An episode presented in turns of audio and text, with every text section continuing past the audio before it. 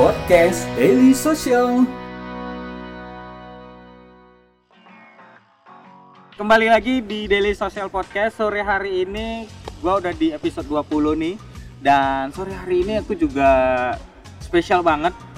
Biasa-biasanya gua kedatangan tamu atau gua diundang di kantor nih. Hari ini aku ada di ASBSD Dan gua diundang ke sini untuk ngobrol di Daily Social Podcast Di programnya Daily Social Dan gua sudah eh, bisa menghubungi atau bisa mengajak Mas Jos Orange untuk hadir ngobrol jadi narasumber di Daily Social Podcast. Mas, selamat sore, Mas. Halo, selamat sore Mas Abi. Sehat, Mas? Alhamdulillah, puji Tuhan, sehat. Eh, panggilan Mas kan Jos Orange. Ya. Nama aslinya siapa sih, Mas? Nama asli saya Bernardus Yosep Victoria, panjang. Biasa dipanggil? Eh, panggilnya Yosep, ada yang manggil Jos Oren juga, karena eh, nama Joseph itu banyak, tapi yang tiap hari pakai baju oren cuma saya, Ya. jadi Jos Oren. Nanti kita cerita tuh. Kenapa Oke. bisa Orange? Siap. Mas, eh gue baca profil sedikit ya Mm-mm. di di di bah Google lah. Ya. Mas itu berawal dari OB. Mm-mm. Gue ketika baca itu gue terinspirasi banget gitu. Hmm. Eh, dari awalnya OB bisa membangun empat dan punya empat bisnis brand Ya. di Jakarta. Ya. Awalnya mas, gimana bisa sampai sejauh ini? Oke, singkat cerita saya lahir sampai SMA di Lampung gitu. Eh 96 saya hijrah ke Jakarta. Iya. Eh, seperti tadi yang bilang Mas Abi, saya memang awalnya di office boy. Gitu. Eh, kalau eh, seperti apa perjalanannya, kisahnya seperti apa itu, kalau saya eh, semuanya itu didasarkan atas kemauan dan keyakinan. Di mana kalau kita mau, kita yakin, ya mudah-mudahan semuanya bisa dicapai. Apakah gitu. memang awalnya udah mimpi dari kecil, mimpi dari awal ke Jakarta? Gue kepengen tuh eh, ngebikin bisnis ini, tapi Hmm. awalnya ya udah gue coba jadi bekerja jadi OB dulu. Nah, mungkin itu yang eh, banyak ini ya, yang nggak dipikirkan orang gitu ya. Eh, saya sampai saat ini saya tidak pernah memimpi untuk menjadi apa dan jadi siapa gitu. Saya selalu pengen menjadi diri saya sendiri. Nah, kalau prinsip saya itu eh, saya eh, tidak pernah mencari uang gitu. Saya selalu mencari ilmu. Artinya eh, saya akan selalu eh, sampai detik ini pun saya selalu mencari ilmu buat mengembangkan diri saya, biarin uang yang akhirnya ngikut gitu. Eh, itu kan pasti berat banget mas. Ya. Berat banget bisa sampai saat ini. Ya. Itu mungkin ada kayak sesuatu atau ada bantuan kah atau memang Bob niat niat memang gimana ya caranya itu kan agak susah kayaknya mas. Betul. Tapi balik lagi itu tadi sih, kalau udah niat pasti bisa gitu ya. Nah kalau ngomong ada sesuatu, memang mungkin ada titik baliknya. Saya berada di posisi yang paling terendah gitu. Eh, kalau boleh dibayangkan seperti apa, sampai saya tidak bisa membelikan susu buat anak saya. Mm. Kemudian saya kena PHK. Jadi benar-benar titik orang paling rendah, stres nggak bisa berbuat apa-apa. Eh, setelah itu saya dihina atau di eh, apa direndahkan oleh mertua saya. gitu. Nah dari situ oh, timbul apa ya? Timbul perasaan gue tuh nggak kayak gitu dan gue harus bisa mewujudin itu gitu. Nah titik baliknya dari situ gitu. Terus kemudian eh, caranya gimana? Bukan terus langsung nyulap tiba-tiba saya jadi usaha apa ini apa enggak. Tapi saya selalu melakukan terbaik ketika saya setelah itu langsung dapat pekerjaan lagi. Mm. Pokoknya saya bekerja dengan sepenuh hati. Lakukan semuanya dengan cinta, maka sesuai akan hasil yang kita Tapi eh, pekerjaannya terima itu gitu. masih sama. pekerjaannya eh, ketika habis kena PHK saya lima tahun jadi office boy gitu ya Eh, apa ke ikut production house gitu Oke. ketika di production house itu kebetulan bos saya ini selalu memberi kue yang lebih Pada yang bukan porsinya gitu jadi selalu ngasih pekerjaan-pekerjaan yang bukan pekerjaan saya Mm-mm. gitu. Nah, tapi saya melakukannya dengan senang, dengan cinta gitu. Nah, dari situ saya mengambil ilmunya. Setiap ada penugasan baru, ada dari staff, kemudian jadi kepala produksi, kemudian naik jadi manajer, jadi produser itu semuanya proses gitu. Karena nggak ada pencapaian semuanya yang Instan. instan gitu.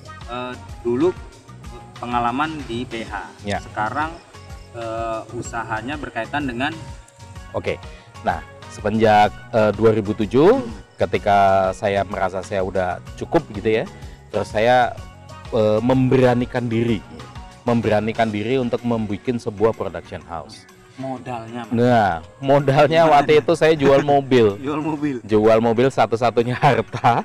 Saya jual mobil eh, laku eh, 85 apa 87 juta 500. Saya partneran sama teman saya. Mm-mm. Eh, modalnya itu 165 juta gitu.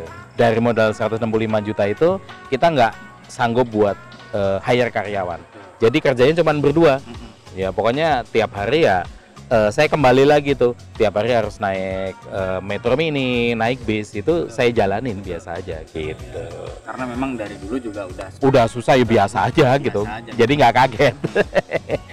eh, perjalanannya bisa jadi seberkembang ini. Oke. Apakah memang ada trik khusus atau memang Oke. ada itu kan modal tuh mungkin nggak nggak harus nggak langsung cepat Betul. kembali gitu. Mungkin ada cobaan sana sini, ada rintangan tuh gimana mas? Iya. Tanganin masalahnya. Kalau saya eh, prinsipnya gini, kalau kita dalam berbisnis gitu, eh, jangan pernah eh, pinjam uang itu dari teman atau dari keluarga. Jadi kalau kamu punya barang apa, ya itu aja yang dikorbankan. Nah, kalau misalnya mau pinjam, pinjamlah ke bank, gitu. Alasannya kenapa? Yang pertama, kalau kita pinjam ke saudara atau ke teman, itu kita punya hutang selamanya. Namanya hutang budi Mm-mm. nanti kita suatu saat kita ada di atas kita sukses kita akan diungkit terus gitu terus yang kedua semangat kita ini ini jadi nggak ada kenapa kita selalu meremehkan. Wah ini kan pinjem punya eh, omku. Oh ini punya Nanti-nanti temanku aja lah, nanti aja lah gitu. Nah itu akhirnya akan menimbulkan konflik. Hmm. mem- eh, perpecahan saudara, perpecahan teman. Kita lihatlah di kehidupan kita sehari-hari. Banyak sekali ketika udah berurusan dengan uang, akhirnya tadinya yang temen yang deket banget tiba-tiba harus cerai gitu. Nah, kalau ngomongin eh, apa prosesnya, ya selain memang semua usaha pasti butuh modal ya. Tapi itu bukan alasan utama sebenarnya. Nah, balik lagi tinggal kemauan dan sejeli apa kita melihat peluang banyak yang teman-teman tanya ke saya gitu eh Om Jas gimana eh, sih bisa sukses apa segala macam eh Om Jas saya usaha apa sih cocoknya gitu karena saya tidak pernah bisa menjawab itu Mm-mm. peluang itu tercipta itu sebenarnya kita tiap hari itu menemuinya gitu tanpa kita sadari tiap hari itu ada di sekitar kita tinggal kita caranya melihat peluang itu seperti apa begitu Tapi eh, tahun berapa tuh mas ngebangun PH? mulai 2007 2007. 2007 2007 tuh kan banyak banget tuh mas PH PH Betul. B, C, dan yang lain. betul Kompetitor pasti selalu ada. pasti Keunggulan bisnis mas yang membedakan dari oke kalau dulu PH saya itu lebih menjual kualitas ya gitu. Jadi kalau saya tidak pernah mau berperang harga. Karena kalau kita ngomong eh, kualitas jadi tinggal eh, di semua lini bisnis pasti akan kita eh, menentukan dulu ini konsumennya siapa pasarnya di mana kita main di yang di level mana gitu ya ibaratnya orang eh, jualan nasi goreng gitu ya. Iya. dari yang 7000 sampai 100.000 pun ada. Iya. dan semua punya pangsa pasarnya. Yang 7000 dia tidak akan beli yang 100.000 begitu juga sebaliknya. Nah tinggal positioning kita ada di mana sih? Itu awal masih satu brand ya. jadi kalau yang eh, PH tadi saya partneran sama temen eh, kita ada awalnya dua orang terus kemudian tiga orang karena waktu itu kita jual karena kekurangan modal gitu. Nah setelah itu sampai 2013 kita bubar cerai gitu. Nah, Masing-masing ya. masing-masing. Karena gini ya ibaratnya kita manusia gitu ya kita menikah ketika sudah tidak ada kecocokan ya pasti cerai ujung-ujungnya itu. Cerai itu bukan berarti eh, buruk gitu. Bisa jadi eh, partner saya menemukan kehidupannya sendiri, saya juga menemukan kehidupannya sendiri. Nah, kemudian 2013 saya membangun si production house eh, saya lagi dengan brand yang berbeda. Kalau yang awalnya vertikal, Iya. ini New Motion. Nah, dari PH itu sebenarnya dari 2010 tuh saya udah eh, kebayang adalah ini semakin lama ini teknologinya semakin canggih, Betul. ya kan? Semakin murah gitu kan. Jadi semuanya terjangkau. Bisa dibayangkan eh, kalau dulu di PH kalau nggak sekolahnya misalnya memang sekolah broadcasting Iya. atau dia dari TV, itu dia tidak mungkin akan punya PH karena secara skill dan secara peralatan itu mahal sekali gitu. Tapi dengan teknologinya murah kan anak SMA aja sekarang udah jago-jago. Bener bener. Bikin sendiri. Bikin sendiri, gitu. Pakai handphone. pakai- Betul. Nah itu emang tidak bisa dibendung, luar biasa. Nah pemikiran itu yang mendasari saya ini PH ini konvensional sekali. Mm-mm. Kalau saya tetap bertahan di bisnis ini, saya tung- tinggal nunggu matinya, tinggal nunggu ditembak aja Iya, gitu. iya. Jeger mati kelar. Mm-mm. Buat saya, mungkin saya bisa masih mencari penghidupan lain. Iya. Tapi bagaimana dengan nasib karyawan saya? Betul. Gitu. Itu yang saya pikirkan. Nah, makanya gimana caranya mendigitalkan Mm-mm. gitu. Nah, awal mula yang eh, setelah tadi New Motion eh, apa muncullah New Media di tahun 2014. Nah, New Media itu eh, awalnya eh, saya jalan-jalan sama keluarga ke Hong Kong. Jangan lupa subscribe di soundcloud.com podcast daily social. Saya lihat di toko-toko retail itu mereka udah eh, pakai digital signage. Oh iya. Nah, digital signage itu ternyata eh, udah tidak pakai USB, tidak pakai DVD lagi, tapi udah pakai internet Betul. gitu. Nah, ini saya membayangkan, oke, saya punya klien ini kayaknya cocok banget nih kalau saya adopsi ke sini. Nah, prosesnya juga nggak segampang itu gitu. Dalam eh, waktu 2 tahun, tahun pertama saya habis buat riset aja sampai 500 juta tidak menghasilkan apa-apa stres iya gitu. Nah, dua ta sampai dua tahun di 2016 itu baru saya bisa menikmati hasilnya. Gitu. Dari eh, situ saya dari Aceh sampai Papua saya punya digital signage-nya.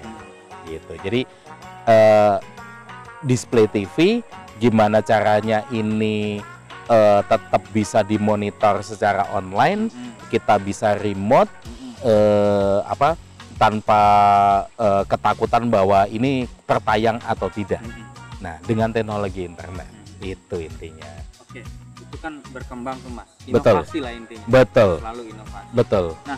Se- seberkembangnya dunia digital saat ini. Hmm, Inovasi apa nih yang sampai sekarang terus dilakukan sama mas? Terus muncul lagi brand baru. Oke. Eh, terus namanya yaitu kalau kita tidak berinovasi makanya siap-siap akan mati.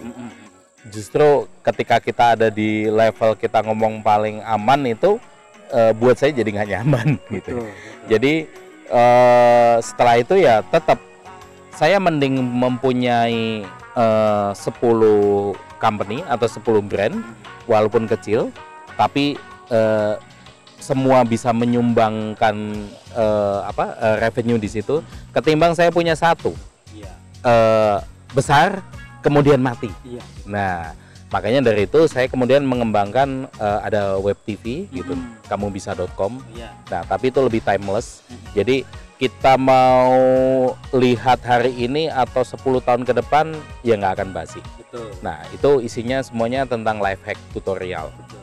Jadi tutorial apa pun mengenai tutorial. Dari ngomong fashion, ngomongin sport, eh, apa food, ya macam-macam. Semuanya ada di situ. Mau otomotif juga ada. Nah eh, itu nanti yang eh, akan saya kembangkan lebih besar lagi eh, dengan menyasar eh, community base gitu. Nah kenapa?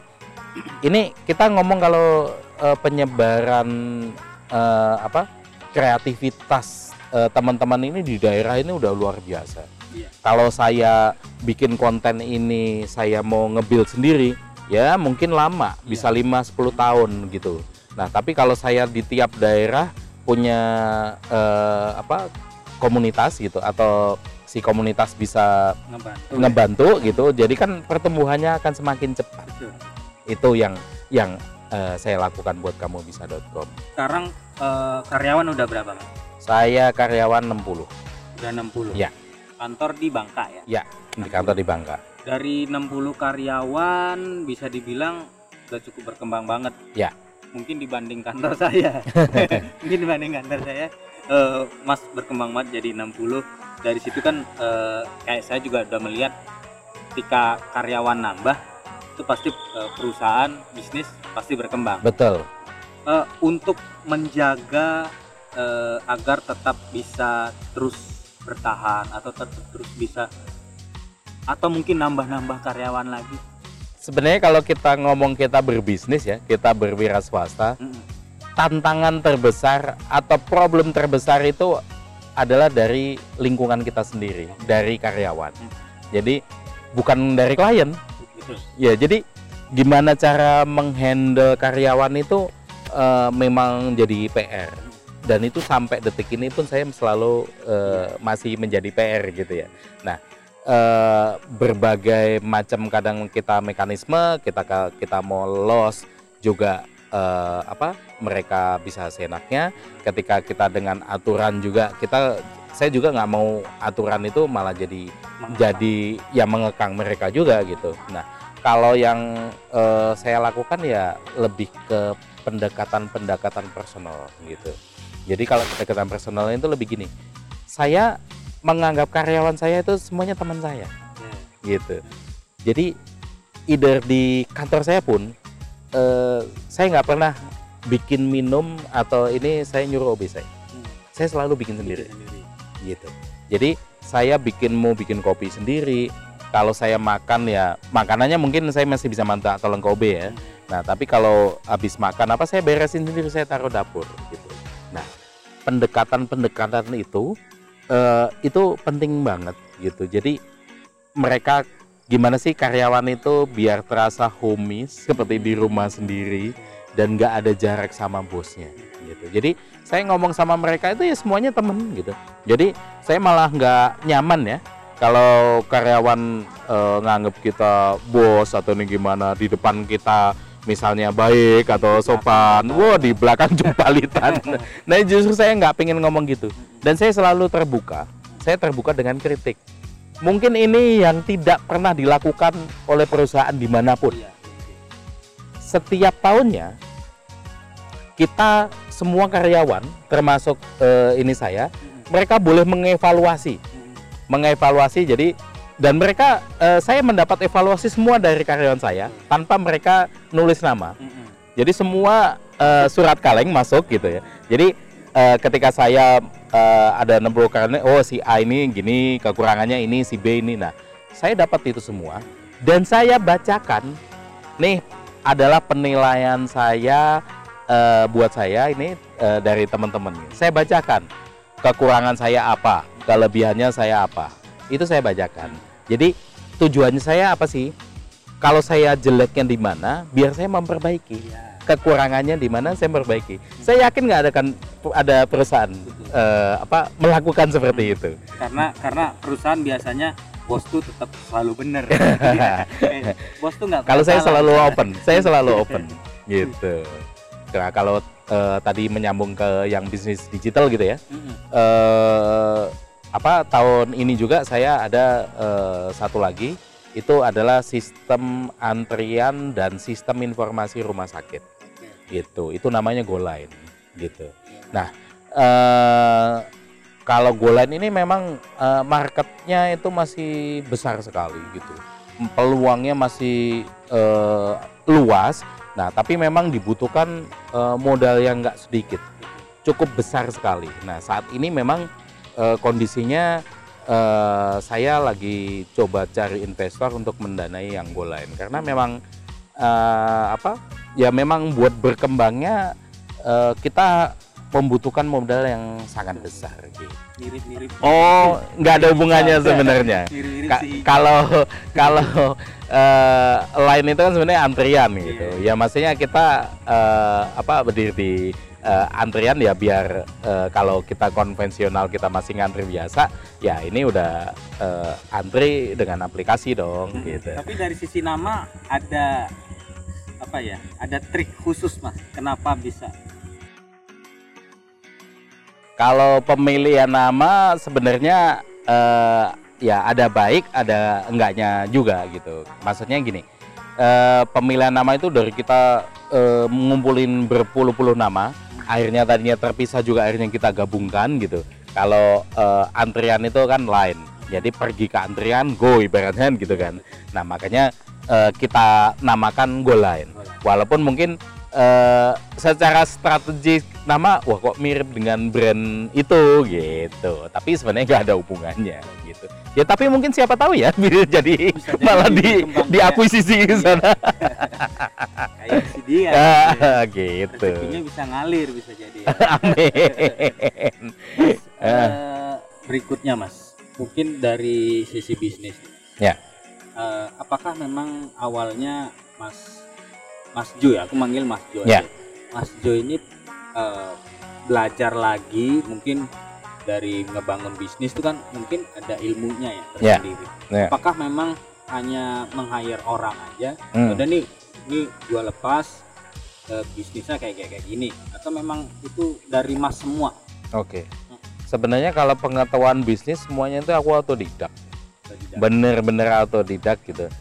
Eh, saya seneng selalu seneng berhayal saya selalu seneng bermimpi gitu. Jadi eh, tapi jangan eh, kita terlelap jadi mimpi terus gitu kan. Artinya harus dari situ coba kita wujudkan jadi eh, doing something gitu ya. Nah kalau konsep bisnis yang saya jalankan saya belajar dari teman saya juga namanya Rama dari Think Web gitu. Eh, saya kaget waktu itu. Ini satu eh, kantor ya kurang lebih eh, 80 orang gitu. Tapi ada tujuh perusahaan di situ. Saya bingung. Iya. Kenapa kamu melakukan itu Mm-mm. gitu?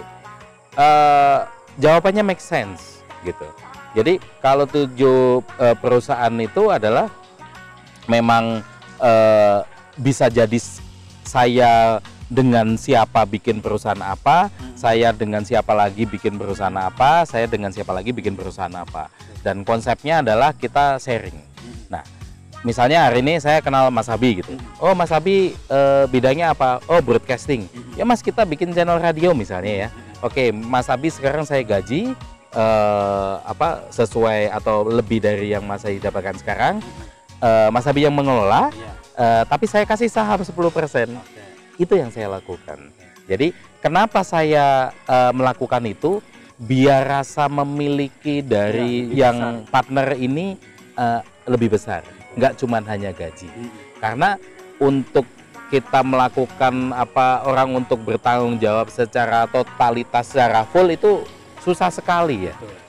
Nah makanya konsep bisnis sharing itu itu Penting. eh, penting dan eh, akhirnya kita ya itu tadi nggak cuman berkutat cuman di satu bidang kita bisa berkembang untuk di bidang-bidang yang lain itu kurang lebih yang yang saya terapkan sih seperti itu Sampai sekarang bisa punya empat brand. Ya, betul. Mungkin bakal Li- ada lima sama yayasan sama yayasan. iya pendidikan nah Ada bakal nambah lagi mas setelah go line. eh kalau omong kemungkinan itu akan selalu ada Akan ya selalu ada. akan selalu ada tapi sekarang saya lagi Fokus. bukan fokus eh, ini menelarkan ABCD lagi, tapi eh, lebih eh, ke pengembangan yang sudah ada gitu.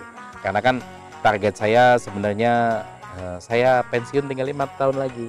Jadi saya pensiun di usia muda eh, 45 tahun gitu. Sebenarnya seorang pemimpin yang baik, yang bagus itu bukan dikenal dari sosok pemimpinnya Mm-mm. tapi yang dikenal adalah sistem eh, company-nya, sistemnya. Jadi bukan personnya gitu. Kalau misalnya saya pensiun atau eh, saya dipanggil Tuhan gitu ya, saya meninggal, kemudian perusahaan saya bangkrut, berarti saya gagal. Iya. Saya pemimpin yang gagal. Mm. Tapi kalau saya tidak ada, kemudian perusahaan ini Berjalan. berjalan, bahkan berkembang, berarti sistem manajemennya bagus, gitu. Nah, eh, untuk menuju ke sana, kenapa kok saya memilih semuanya akhirnya saya digitalkan? Ya, digital itu kan sebenarnya ruwet di awal-awal. Di awal-awal buat proses develop sampai eh, kalau ngomong sem- sempurna nggak ada ya kata sempurna gitu ya. Karena kalau kita ngomongin eh, software dari yang rilis si 10 sampai 10 aja masih terus gitu. Jadi terus berkembang. Nah, intinya sampai benar-benar bisa berjalan enak, stabil gitu. Eh apa keribetannya hanya di awal, tapi ketika sudah berjalan itu ya boleh dibilang kita sedikit agak lebih santai gitu ya. Nah makanya dalam eh, sisa waktu lima tahun menuju saya pensiun ini ya saya benar-benar fokus buat mengembangin yang digital ini biar berjalan baik. Ketika saya pensiun nanti ya eh, semuanya akan baik-baik saja. Harapannya seperti itu sih. hal apa ya orang-orang yang paling banyak ngebantu Mas dalam usaha Mas bisa berkembang sini sih siapa aja Mas? tentunya yang pertama ya eh, Tuhan buat saya yang sampai hari ini kasih rezeki eh, buat saya. Mungkin saya hanya jalannya gitu ya. Tapi eh, terlepas dari itu tentunya dukungan dari istri dari keluarga yang begitu percaya gitu dengan saya. Terus kemudian mantan mantan bos saya gitu. Jadi saya banyak mengambil ilmunya itu dari mantan mantan bos saya. Jadi ada Mas Daniel Tumiwa itu yang jago di marketing, kemudian Mas Anto itu jago di production, terus kemudian ada Pak Brian itu yang orangnya lebih wise, siap memutuskan sesuatu gitu. Jadi itu orang-orang yang berpengaruh dalam kehidupan saya gitu.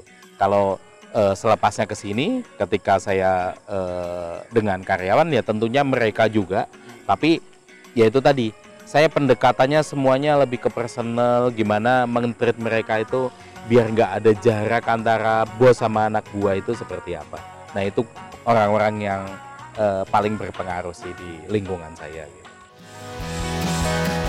Dengerin terus podcast Daily Social.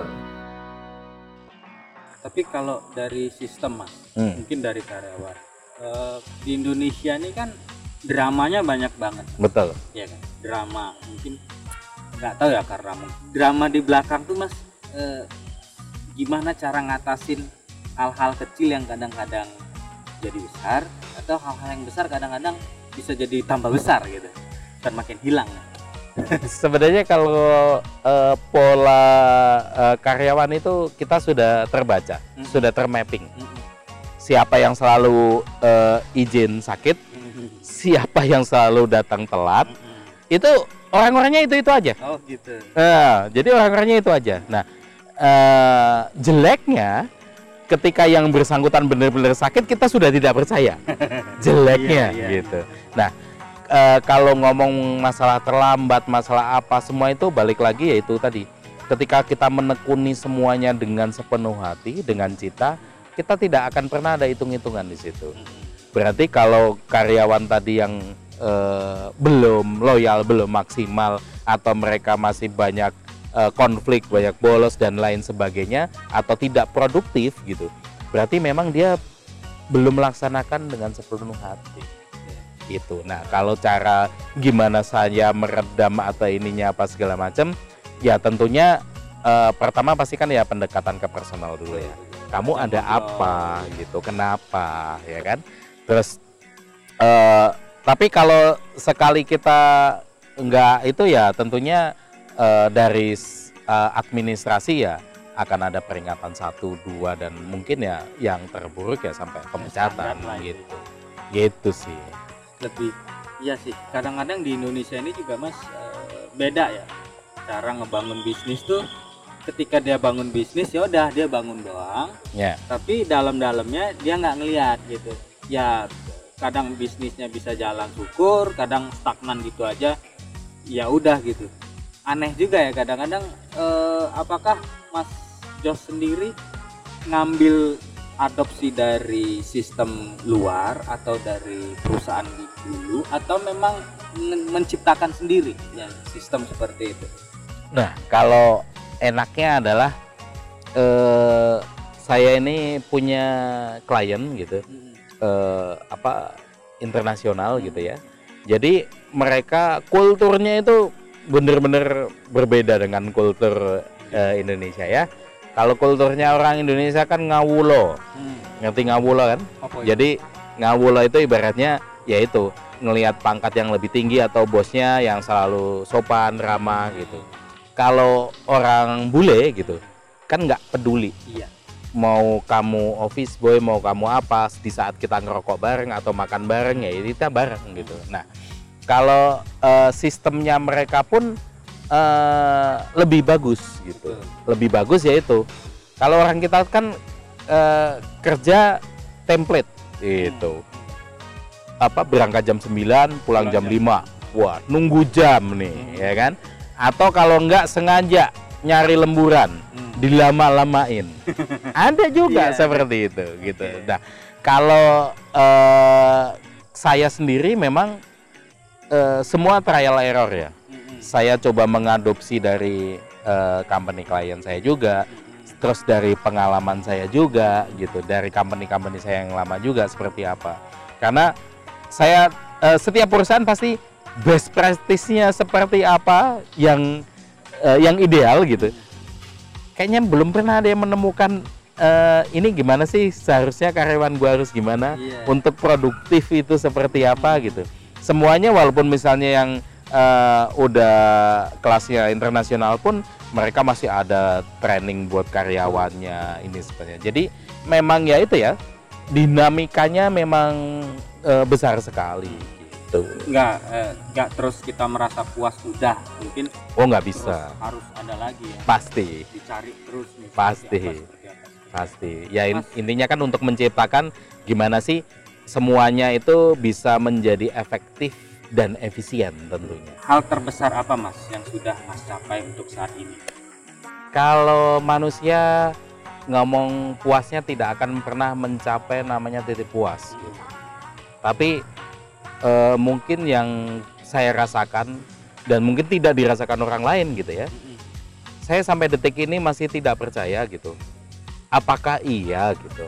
Saya eh, office boy mampu menghidupi eh, banyak keluarga karyawan-karyawan saya gitu. Nah itu mungkin buat saya menjadi pencapaian terbesar gitu. Jadi intinya ya kita harus eh, tetap disyukurin gitu aja sih.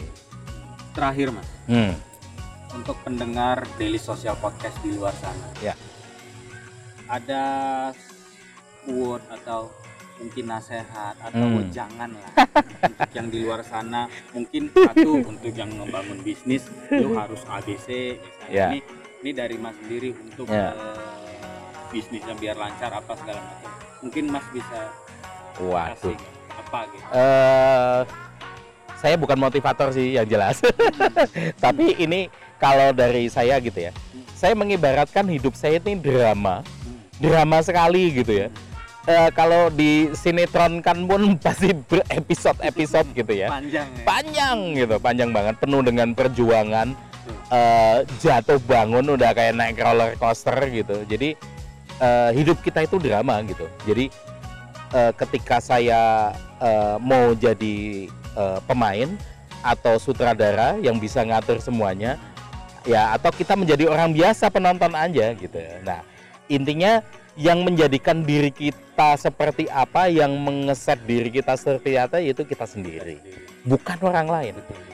Itu sih Oke. dari kalau kalau buat teman-teman gitu ya yang eh, terutama yang masih masih awal-awal untuk eh, mencoba untuk berbisnis gitu ya. Intinya jangan takut rugi gitu. Kalau kita misalnya takut rugi ya kita nggak akan pernah mencobanya kan dan gimana lo mau berhasil kalau nggak pernah mau Iya. mencobanya gitu. Dan kalau mencoba mulailah sesuatu itu dengan hal-hal yang kecil dulu. Kalau kita cuman ngebayangin si A si B besar sukses dan sebagainya gitu itu malah tidak akan pernah tersampai gitu. Nah kita ngomong bisnis kita ngomong dari nol kemudian menjadi misalnya angka 10 atau berapapun itu proses jadi orang kaya atau orang sukses mendadak itu nggak ada karena saya mengalami sendiri ketika saya tergiur dengan untung-untung besar justru malah saya eh, terjebak masuk ke dalam jurang gitu. Jadi kaya atau sukses itu adalah semuanya proses. Itu sih mas. Terima kasih Mas udah mau Oke. berbagi di Daily Social Podcast. Sama-sama. Dan gue seneng banget, banyak banget dapat insight dari Mas Jo ya, Yes. untuk membangun bisnis, membangun karyawan seperti apa bisnisnya dari satu hancur bikin bisa jadi lima Iya. itu kan sesuatu yang wow banget. Mungkin nanti kita bisa ngobrol lagi Mas ya. Boleh boleh Di- dengan senang hati. di, di materi yang lain Oke. karena inspirasi banget buat gue sebenarnya pengen gue juga ngebangun bisnis Amin. di luar sana juga pada pengen ngebangun bisnis kan intinya dari startup dulu Iya. oke mas itu aja mungkin terima kasih Oke. Ngobrol-ngobrol. Terima kasih. daily sosial Oh, daily sosial ya. mungkin nanti bisa baca-baca mas Oke, Daily siap. Abis ini saya ikutin ya. Iya, karena Oke. perkembangan dunia digital Iya, semuanya yang Indonesia di luar ada di daily sosial pasti. Pengen tahu lagi daily sosial seperti apa bisa buka webnya aja di dailysocial.id atau lewat Facebook juga ada di daily sosial lewat Twitter di @dailysocial. Mungkin di Instagram mau dapat promo kuis dan yang lainnya ada di daily sosial underscore ID atau lewat eh, channel YouTube di DSTV juga ada ada eh, open box ada DS Tour ada DS ada semua konten kita di sana. Bisa lihat di YouTube di Daily Social TV dan yang terakhir kita audio dari soundcloud.com ada di Daily Social Podcast dan juga ada di Spotify. Jadi buat teman-teman silakan mau pilih yang mana kita semua ada. Terima kasih buat Mas Jo sekali Oke, lagi. terima kasih. Nanti kita ketemu di episode berikutnya. Siap. Thank you Mas. Thank you. Podcast Daily Social